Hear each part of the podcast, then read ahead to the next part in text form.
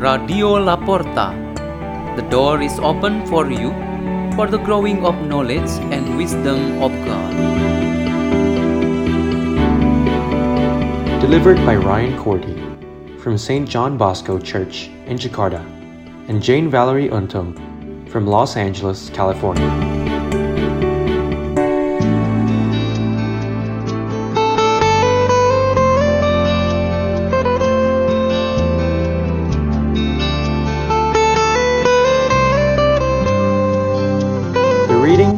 Meditation on the Word of God on Friday of the second week of Advent, December 10th, 2021.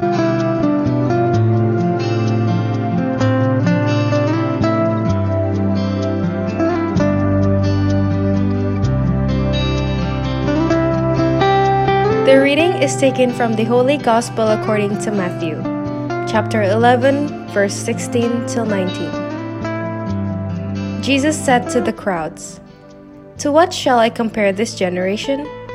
It is the children who sit in marketplaces and call to one another. We played the flute for you, but you did not dance. We sang a dirge, but you did not mourn. For John came neither eating or drinking, and they said, He is possessed by a demon. The Son of Man came eating and drinking, and they said, Look, he is a glutton and a drunkard, a friend of tax collectors and sinners.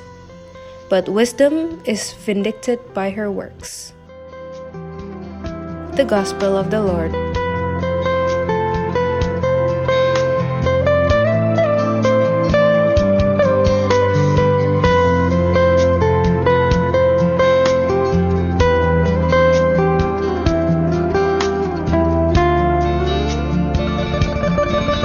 Our meditation today has the theme In the Father's Image.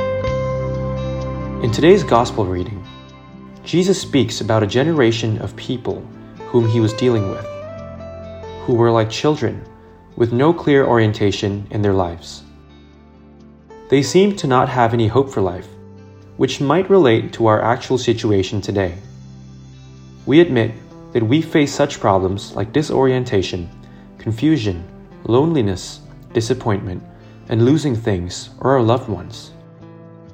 When Jesus describes the situation of children of the world in this manner, is he encouraging us or otherwise teasing us? Obviously, he teaches us by using parables. In using a strong satire, for example, he means to rebuke and is his way of training us as well.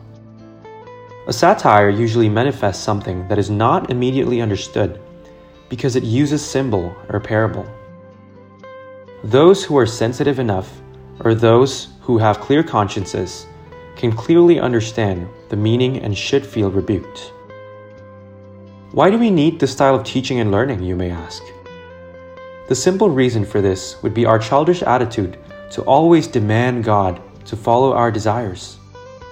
The people whom Jesus rebuked demanded something more than what the Lord had already provided which really showed their stubbornness, stupidity, or that they've been spoiled by the devil. They wanted God to appear sensational in accordance with their desires. A childish attitude is always after special treatment and recognition. However, the more serious reason why we need to rebuke and discipline would be something not so perceptible. Because what's happening in the shadow or darkness is mostly undetected. The satire intends to go deeper and touch the heart of the problem in the life of those who belong to Jesus Christ as sons and daughters of God. Without realizing it, our childish attitudes, such as stubbornness, disobedience, crime, and living in sin, have caused great damage to our dignity as children of God, whom the Father loves so much. The immediate consequence of this damage would be on the image of the Father, which has been molded in us since creation becomes corrupted.